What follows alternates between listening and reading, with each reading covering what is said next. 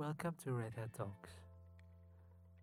To get thoughts from the full-time learner and part-time human being, hosted and curated by himself, Fabian Radatama.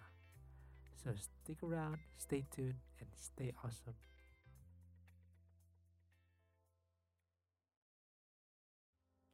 Oke, kembali lagi di Red Hat Talk sesi kedua. Kali ini eh, bahasannya agak menarik sih. Kalau menurut gua gitu ya, karena masih relatable sama topik sebelumnya.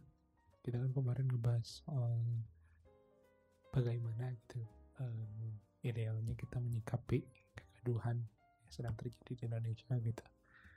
Eh, terkait omnibus law ini gitu.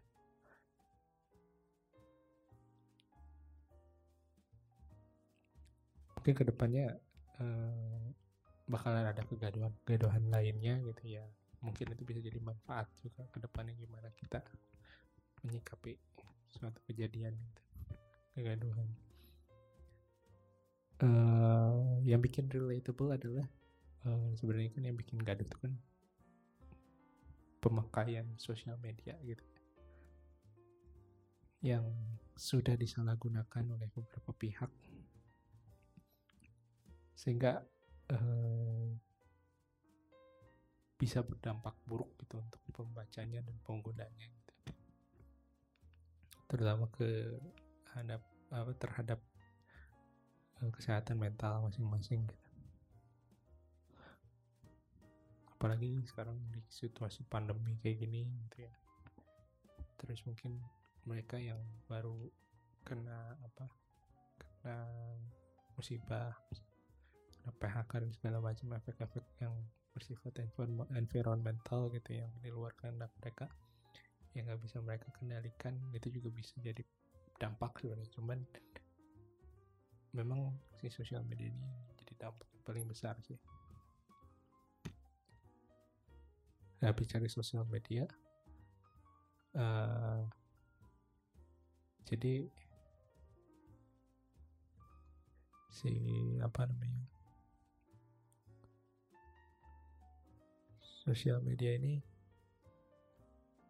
menggambarkan banget gitu beberapa tipikal orang gitu ya. Yang kalau bisa di sumber summarize-kan gitu ya disimpulkan. Ada tiga macam tipe orang gitu. Paling banyak di sosial media gitu ya. Itu kebanyakan eh, dia overconfidence atau merasa hmm, lebih tahu daripada yang lain gitu. Well to be fair, eh, kita harus mengakui gitu. Kadang aku pribadi gitu ya, saya sendiri gitu merasa kadang merasa seperti itu. Gitu.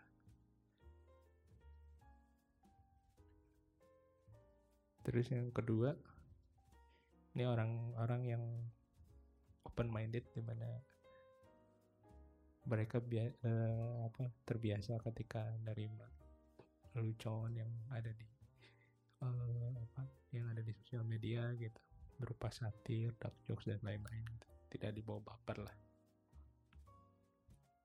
karena mereka berpikir ya em, kita semua punya punya apa punya punya pemikirannya masing-masing idealisme masing-masing kita udah mulai terbuka apa terbuka lah saling terbuka gitu. Kalau di sini orangnya begini si, si itu orangnya begitu gitu. dan yang terakhir ini jadi bahasan kita hari ini. Ini orang merasa kayak rendah banget dibandingkan orang lain gitu. Jadi merasa aduh orang lain pasti lebih hebat lah. Jadi kalau bisa di eh, analogikan atau di digambarkan dalam suatu grafik gitu. Eh, ibarat ada dua lingkaran gitu ya. Lingkaran ini bisa saling iris bisa juga berada di dalam sat, sa- apa satu himpunan besar gitu. Kalau dulu belajar matematik gitu ya ada himpunan yang mengiris ada himpunan yang bergabung gitu. nah kalau ibaratkan gitu lingkaran pertama itu eh,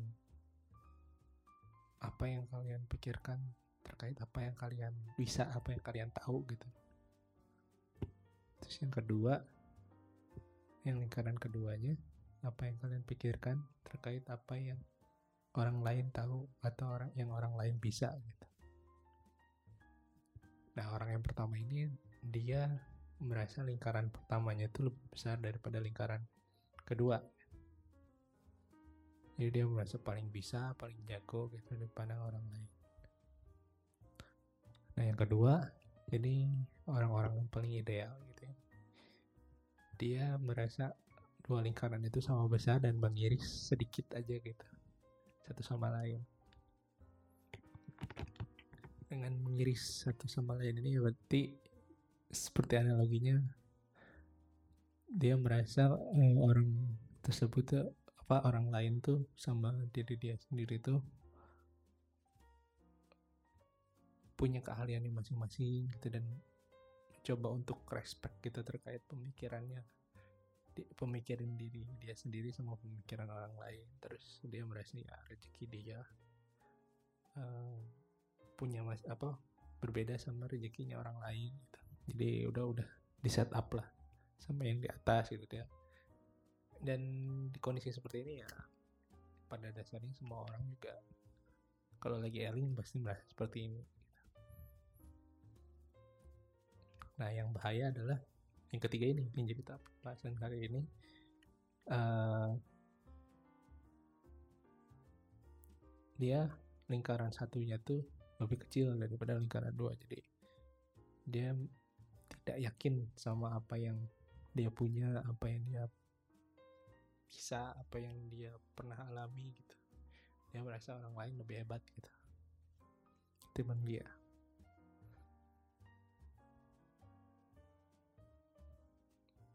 Jadi kalau uh, apa yang fenomena ketiga ini bahasa karyanya adalah imposter syndrome. Jadi imposter syndrome ini bukan yang lagi rame gitu yang lagi dimainin banyak orang gitu ya sekarang. Uh, imposter omong masih itu bukan. Tapi dia adalah suatu gejala di mana dia kayak uh, merasa rendah aja gitu dibandingkan jadi nggak bisa mengaktualisasi si kemampuan dia pengalaman dia skill dia gitu. Ke dalam suatu advantage gitu. Dia merasa terus um, rendah dibandingkan orang lain.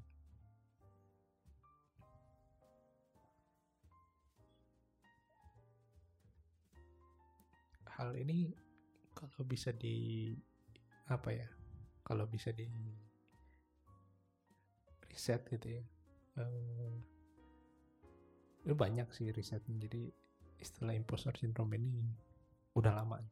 Cuman baru tahun 78 kalau nggak salah sama dokter uh, siapa ya namanya dokter Stains atau siapa gitu tak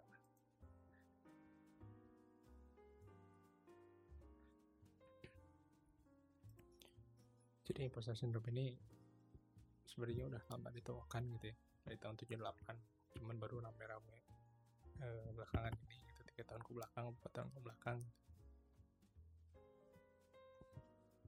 jadi pertama ditemukan oleh Dr. Pauline Clance namanya Dr. Susan Eames uh, mereka ngeriset bahwa wanita wanita-wanita yang high achiever gitu ya yang striving untuk cari prestasi mereka cenderung uh, apa ya? Cenderung merasa takut terekspos gitu ter takut terbukti bahwa mereka tuh gak sehebat itu gitu. Jadi ya takut disalahin cenderung perfeksionis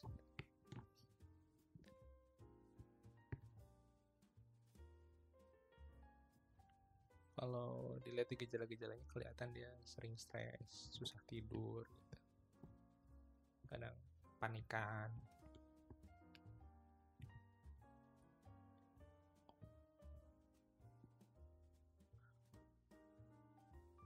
Well uh, impostor experience atau experience impostor syndrome ini.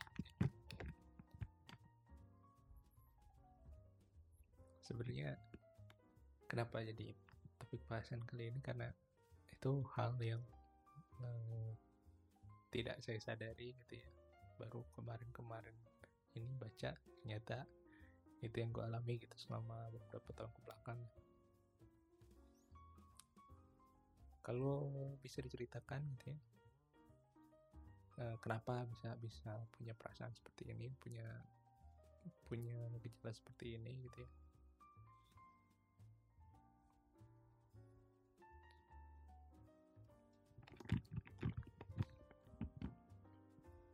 jadi gue dari kecil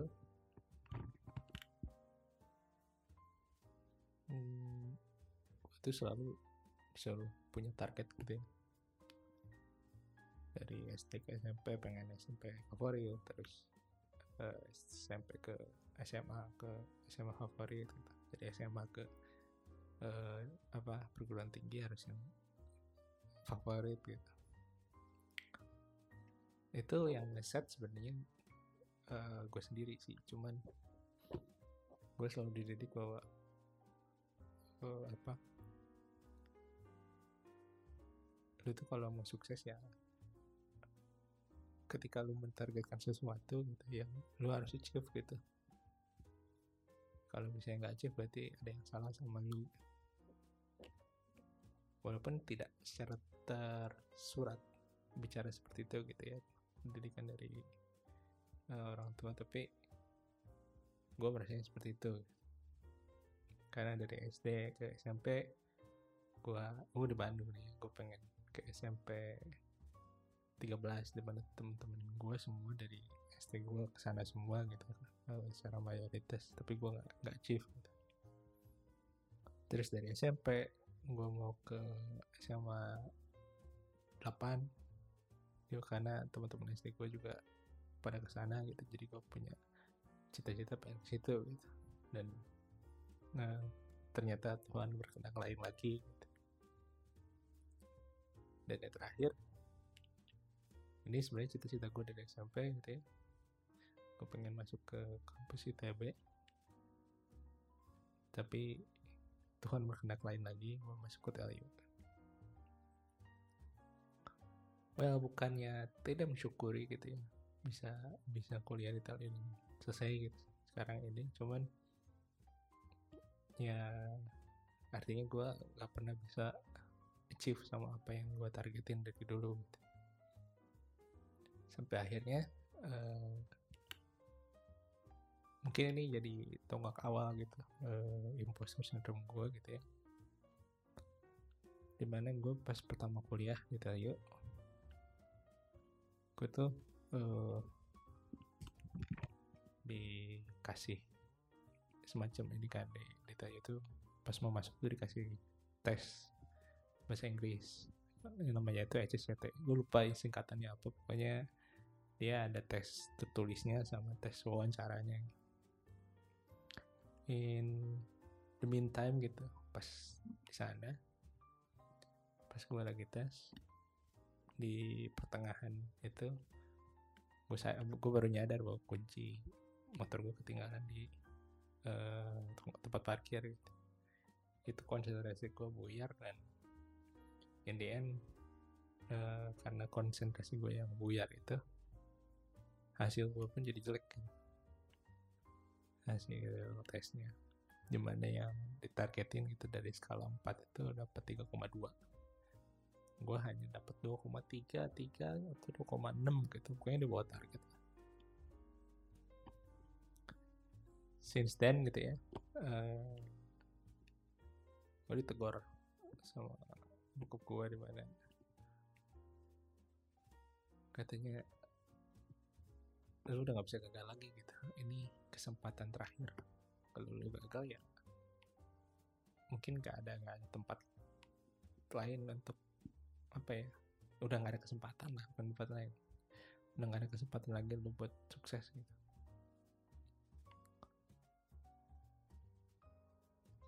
Since then ya gue merasa nggak gue nggak boleh salah gitu dari detik itu gitu. tapi dengan perasaan seperti itu eh, mungkin ada bagusnya gitu ya. Gue jadi terus eh, apa keep keep on trying keep on thriving gitu. Mencari ilmu. Tapi jeleknya adalah ketika gue pertama masuk juga gitu ya. Gue dapat eh, penghargaan waktu ospek waktu PKKMB gitu. Sebagai mahasiswa terbaik ke satu eh, dari Putra gitu ya oh bukan dari Putra. Mahasiswa terbaik ke satu dari satu batch. Satu batch PKKMB cuma gue dari sejak itu ya gue nggak nggak merasa gue melakukan apa apa gitu tapi ya ada ada gue merasanya kayak faktor hoki aja gitu. Nggak nggak ada kayak oh iya gue tuh capek gue tuh udah gini udah gitu nggak merasa gitu. mungkin itu yang yang hmm, yang bisa dibilang itu salah satu eh, fenomena imposter syndrome yang gue alami gitu. Dan hal itu terjadi lagi ketika gue dapet eh, dapat anugerah dua tahun kemudian. Dianugerahi oleh TLU sebagai mahasiswa berprestasi gitu ya. Untuk mewakili TLU gue sampai sekarang gue merasanya ya hoki aja karena dari enam kompetitor lain ya gue merasa biasa-biasa aja gitu loh. Apalagi sebenarnya gue juga kaget sih maksudnya si mau pres ini sebenarnya diperuntukkan untuk mahasiswa-mahasiswa tingkat tiga tapi gue mendapatkan gelar itu di tingkat dua.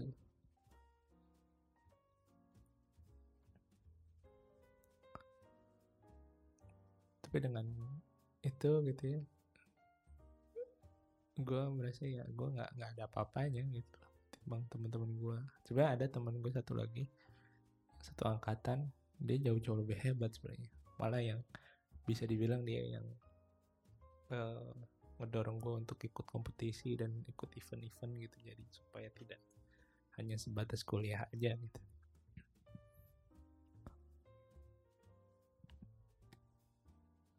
Dan perasaan itu semakin kerasa banget gitu ketika gue dapet anugerah gitu. Gue merasa takut gue ngecewain TLU gitu gue ngecewain orang-orang yang gue kenal gitu yang udah bangga sama gue gitu ya. Kalau gue sebenarnya nggak bisa apa-apa gitu.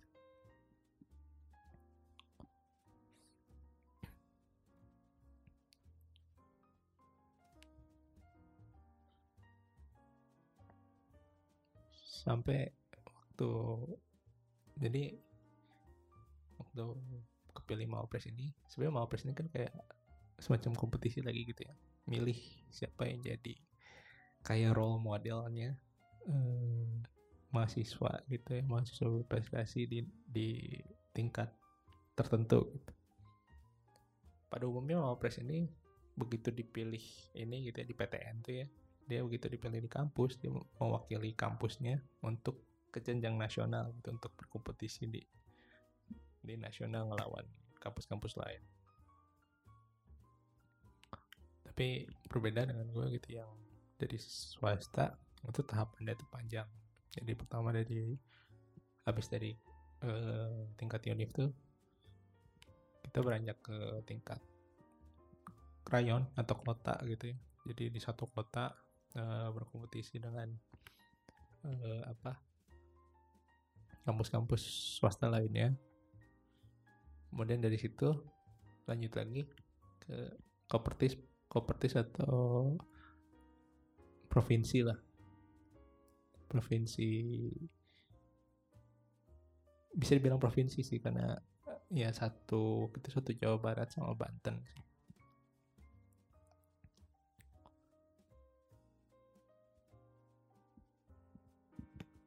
Cuma gue cuma bisa di tingkat uh, kompetisi itu gitu. Gue berhenti di situ. Dan setelah gue fail di situ ya gue merasa, aduh, gue apa ya? Gue udah ngecewain gitu, ngecewain tadi udah percaya sama gue gitu. Padahal sebenarnya uh, bisa dibilang ya mungkin mereka kecewa gitu ya dari kemasan kecewa dari Telio yang udah percayain gue kecewa gitu. Cuma mereka juga gue melihat sih mereka menghargai apa yang gue udah gue kerjain tapi gue masih, masih merasa nggak enak. Makanya dari itu karena ada gejala imposter syndrome ini gue merasa gue harus bertanggung jawab gitu ya. Uh, gue harus menciptakan sistem yang baru gitu. Di mana sistem ini uh, memungkinkan untuk adik-adik gue gitu yang jadi ma mahasiswa berprestasi bisa meng, apa ya mengaktualisasi kemampuan dia gitu. Jadi ada platformnya makanya di situ gue sama salah satu uh, abang-abangan gue gitu ya. Uh, namanya Mas Agus sekarang dia udah nggak tell you lagi. Uh, eh, gue menciptakan satu platform di mana uh, setiap mahasiswa-mahasiswa yang uh, let's say udah berprestasi ataupun yang mau berprestasi gitu ya. Mereka bisa sharing knowledge di situ gitu. bisa membuat sistem apa knowledge management yang baik gitu di mana mereka bisa uh, sharing ilmu-ilmu yang mereka udah dapetin itu sama lain gitu. Dan uh, to be fair itu bagus sih maksudnya dan setelah ter, uh, terbuatnya itu gitu dua tahun setelah uh, apa namanya dua tahun di angkat uh, di bawah angkatan gue gitu. Mereka berhasil masuk ke tahap seleksi nasional gitu. Walaupun sebenarnya tahun terakhir tuh uh, tahun 2020 ini mereka uh, yang dari swasta tuh udah nggak dipisahin lagi sama PTN gitu. Jadi sekarang fair karena udah dipegang sama Kemendikbud kalau kemarin dua tahun kemarin gitu masuk tahun gua gitu. Itu masih dipegang sama Ristek di mana ya ada sedikit gap gitu antara negeri sama swasta. Jadi yang negeri punya advantage lebih bagus. Mereka bisa masuk di yang nasional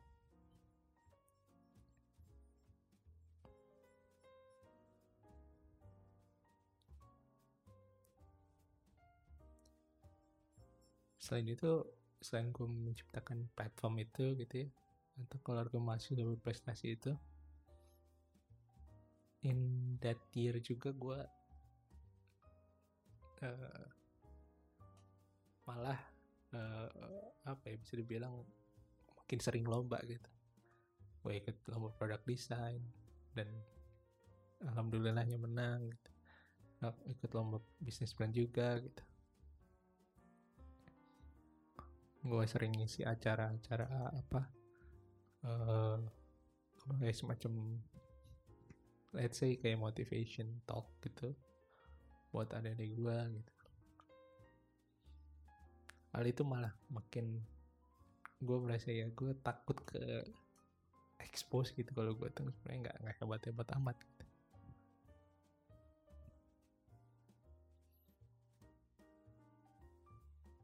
dan at some at some point gitu itu bagus. Cuman at some point juga bakalan berdampak buruk. Karena apa? Karena yang buruk itu uh, kebetulan terjadi sama gue juga dalam enam bulan terakhir ini gitu ya. Bulan April.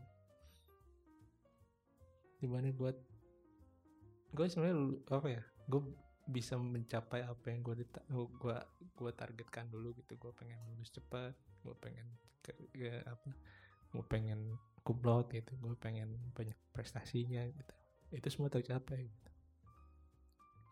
cuma ada satu yang gak kecapai di mana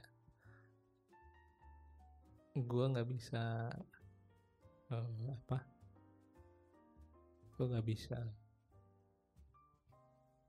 cepet-cepet dapet jodoh jodoh kerja maksudnya itu terjadi waktu bulan April di mana gue gue sebenarnya kayak merasa malu banget itu sama diri gue sendiri gitu. Gue bener-bener nyalahin diri sendiri gitu. Gue kenapa?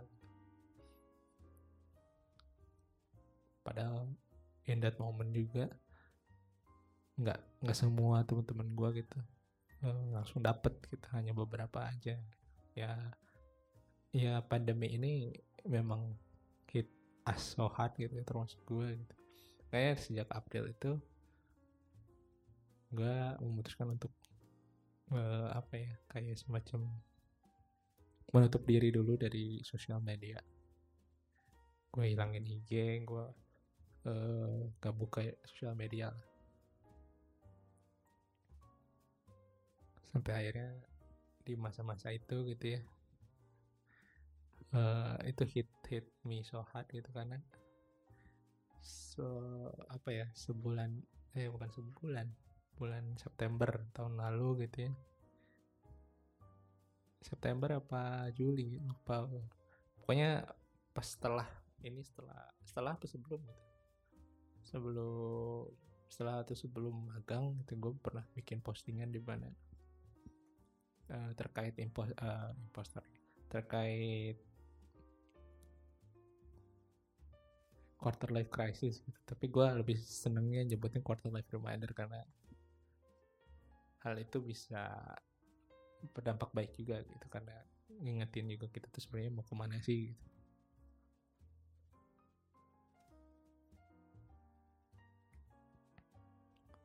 Jadi selama dua bulan kurang lah sampai Juni akhir gue akhirnya memutuskan untuk terbuka lagi gitu sama sosial media itu gue waktu itu lebih banyak ini sih lebih banyak relax aja sih. Kayak banyak main gitu ya.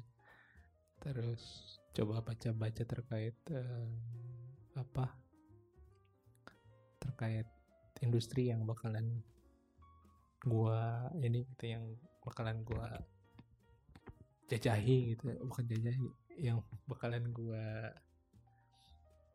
jalani gitu nantinya gitu. jadi gue belajar bener-bener jadi nggak nggak asal apply aja gitu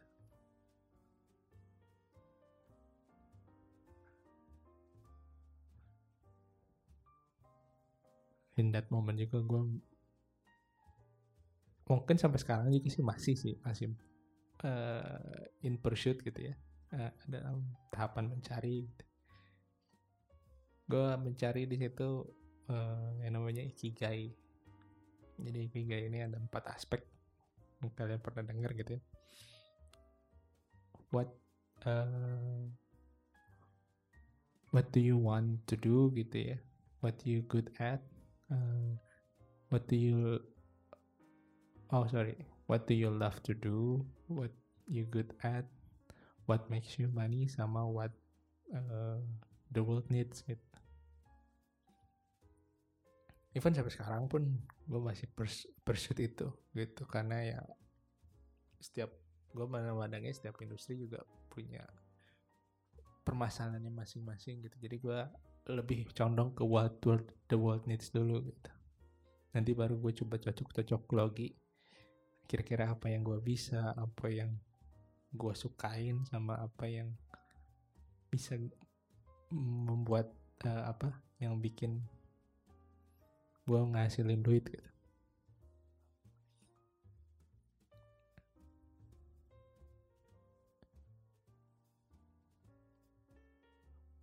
Jadi imposter kalau bisa di summarize gitu ya, imposter syndrome ini eh, at some point bisa berdampak baik buat kalian gitu ya. Tapi bisa juga berdampak buruk kalau misalnya kalian tidak bisa eh, deal with it gitu. Ini dari itu em, gue semenjak ya itu pas bulan Juni itu sebenarnya ini secara nggak secara nggak nggak sadar gitu ya. Gue sebenarnya baru baca-baca belakangan ini gitu ya terkait how to deal with it gitu terkait imposter syndrome ini terus bahkan baru tahu istilah imposter syndrome ini sekitar tiga minggu yang lalu gitu. Tiga minggu atau dua minggu yang lalu gitu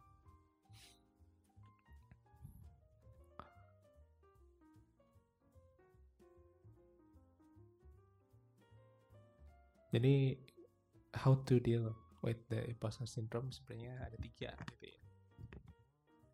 Jadi waktu bulan Juni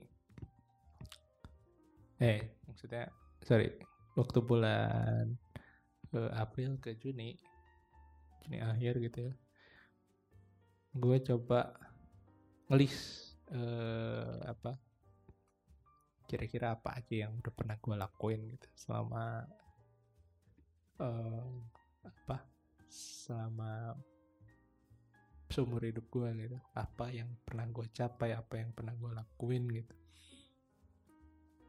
gue coba nge-rephrase lagi memori gue gitu ya ini sebenarnya apa ya apa yang gue bisa gitu sambil sambil gue mencap mempersuit ikigai gue itu ya gue menulis itu dulu gitu karena dengan hal itu lu juga bisa nge-refresh memori lu yang di mana lu tuh sebenarnya uh, telah melakukan banyak effort gitu dengan melakukan hal-hal tersebut gitu. kayak contoh gue gue sebenarnya tiap-tiap kayak lomba tiap ini gitu gue nggak pernah inget uh, effort gue gitu kayak ya udah gitu ketika ini udah lepas gitu langsung move on lagi gitu. Tapi sebenarnya itu hal yang buruk juga. Kenapa? Karena ketika wawancara lu pasti ditanya gitu. Ketika lu mencantumkan prestasi tersebut apa yang kamu pelajari dari situ gitu loh. Dan hal itu ya nggak gua perhatikan gitu selama ini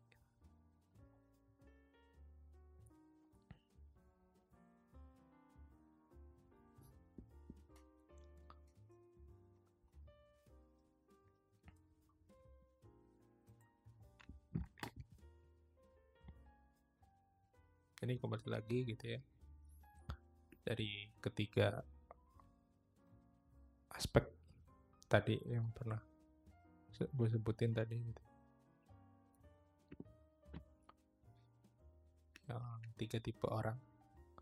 Di mana sebenarnya kita bisa jadi bisa berubah-berubah di keadaan tertentu gitu.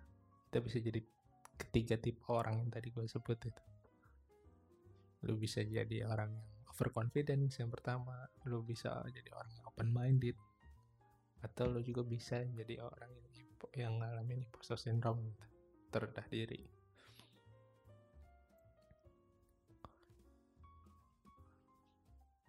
Karena fenomena seperti ini ya dipengaruhi oleh faktor lingkungan gitu yang gue sebut tadi gitu.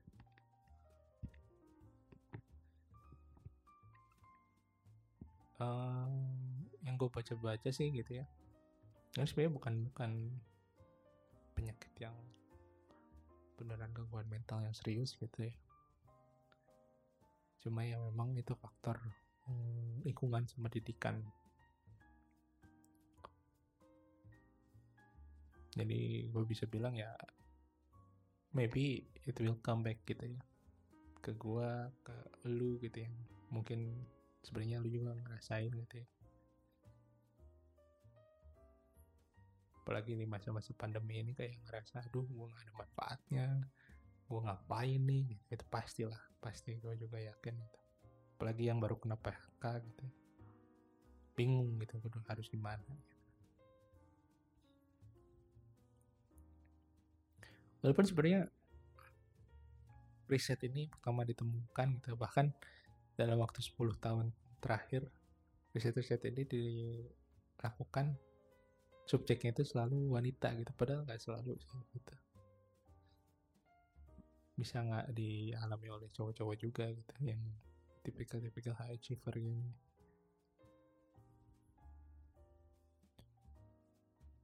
Cuma kalau dari salah satu penelitian systematic review atau pa- paper uh, state of the art yang gue yang gue baca gitu ya tahun lalu.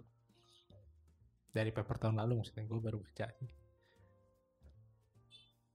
katanya sih ya itu mereka belum riset ke cowok-cowok gitu. Dan mereka belum ngasih solusi how to deal with it gitu. Karena ya susah sih maksudnya di akademik kan suatu achievement tuh harus dalam bentuk metrik gitu ya. Dalam bentuk satu, satu apa satu uh, tolak ukur gitu jadi mungkin ke depannya ya kalian bisa coba ini gitu ya yang di yang lagi kuliah. Baik S1 atau S2 gitu. Untuk topik tesis atau uh, skripsinya mungkin bisa ngebahas soal imposter syndrome ini gitu sebagai saran gitu. Dalam banyaknya laki-laki itu kalau bisa. Lebih bagus lagi kalau misalnya ada solusinya gitu ya kira-kira gimana deal with it-nya? Kalau dari gua sih ya gua setelah baca-baca dan sebenarnya itu hal itu juga secara nggak sadar gue lakuin gitu ya selama uh, gue mengalami hal ini gitu ya. Jadi bisa disimpulkan jadi tiga solusi gitu ya. Solusi yang pertama ya uh, lu banyak banyakin ngobrol gitu ya entah itu sama temen lu entah itu sama mentor lu gitu ya. Terkait ya I don't know maybe deep talk gitu. Deep talk terkait ya nggak hanya terkait percintaan aja tapi tentang kehidupan aja gitu loh. Terkait keluh kesah kalian gitu mungkin dengan dengan hal itu gitu lu juga bisa ngebuka pikiran bahwa sebenarnya nggak hanya lu doang gitu yang merasa rendah gitu. Mungkin at some point orang-orang lain merasa rendah gitu. Karena dengan hal itu gitu ya hmm, dua insan saling bercerita gitu ya. Bercerita tentang kesulitannya gitu secara nggak langsung ya itu bisa ngobatin gitu. Ya at least membuat si penderita imposter syndrome ini ya merasa selevel gitu. Terus kemudian yang kedua yang tadi gue bilang gitu ya yang gue lakuin waktu uh, April sampai Juni itu gue melis uh, apa apa yang pernah gue lakuin gitu ya terkait experience uh, consulting gitu experience lomba experience uh, finding sponsors gitu untuk ke acara luar negeri dan segala macem lah pokoknya yang terkait apa yang lu lakuin gitu secara di luar uh, hard skill lu gitu. Hard skill yang di bidang akademik gitu ya yang tertulis di dalam apa dalam ijazah karena dengan hal itu ya lu bakalan nge-refresh ulang itu uh, apa apa yang lu uh, apa yang lu usahakan gitu karena dengan itu ya lu mulai mulai menghargai effort lu gitu. Nggak nggak merasa sebagai seseorang yang menipu gitu loh. Dan hanya hoki doang karena di balik hoki juga gitu pasti ada effort yang lu lakuin gitu.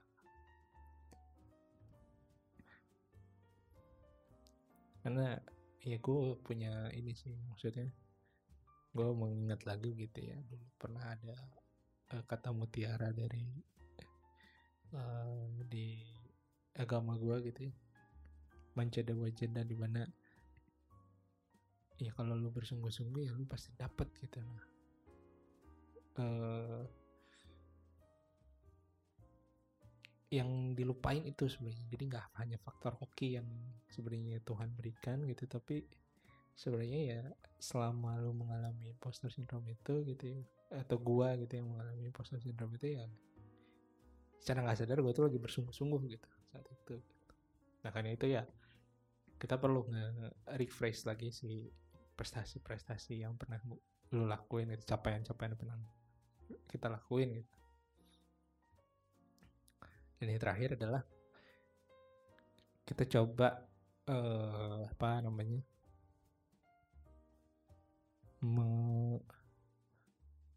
menulis uh, life planning lah gitu.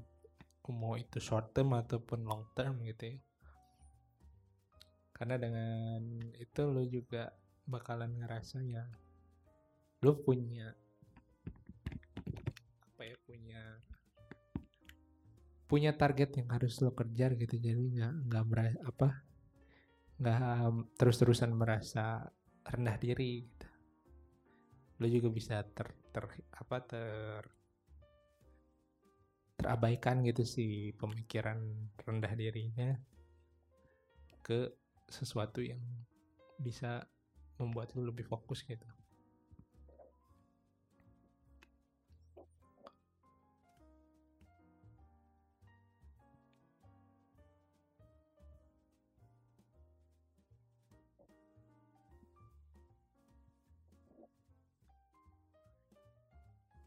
jadi kalau bisa gue bilang ya apa ya ya itu tadi latar belakangnya dari efek sosial media yang sangat sangat tidak baik gitu di belakangan ini. Jangan sampai lah gitu ya kita berada di titik imposter syndrome ini gitu. Walaupun sebenarnya gue juga menjalani hari-hari ini di pandemi ini gitu ya. Kadang lu lagi down banget gitu atau lagi tertekan banget gue juga mengalami lagi gitu balik lagi ke masa-masa itu gitu.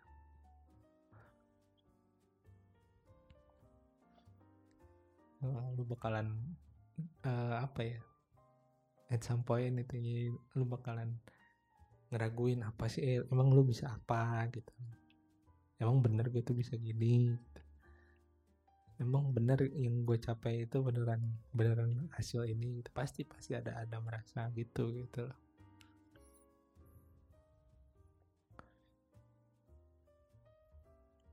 jadi ya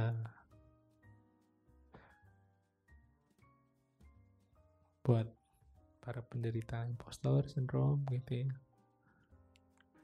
uh, semoga gitu dengan dengan adanya sharing dari gue ini gitu bisa ya bisa juga sebagai self reminder gue sih. Maksudnya gue juga sambil suka suka mendengarkan kembali apa yang gue bicara di sini gitu ya. Gue berharap ya bisa kebantu lah gitu. Terus buat kalian-kalian yang ya entah itu di jurusan psikolog gitu karena gue juga dari teknik industri gue nggak punya dasar yang kuat gitu ya terkait uh, isu-isu psikologi gini. Uh, gue bakalan seneng kalau misalnya kalian bisa ikut uh, ngasih penjelasan yang lebih komprehensif ke gue gitu atau ke teman-teman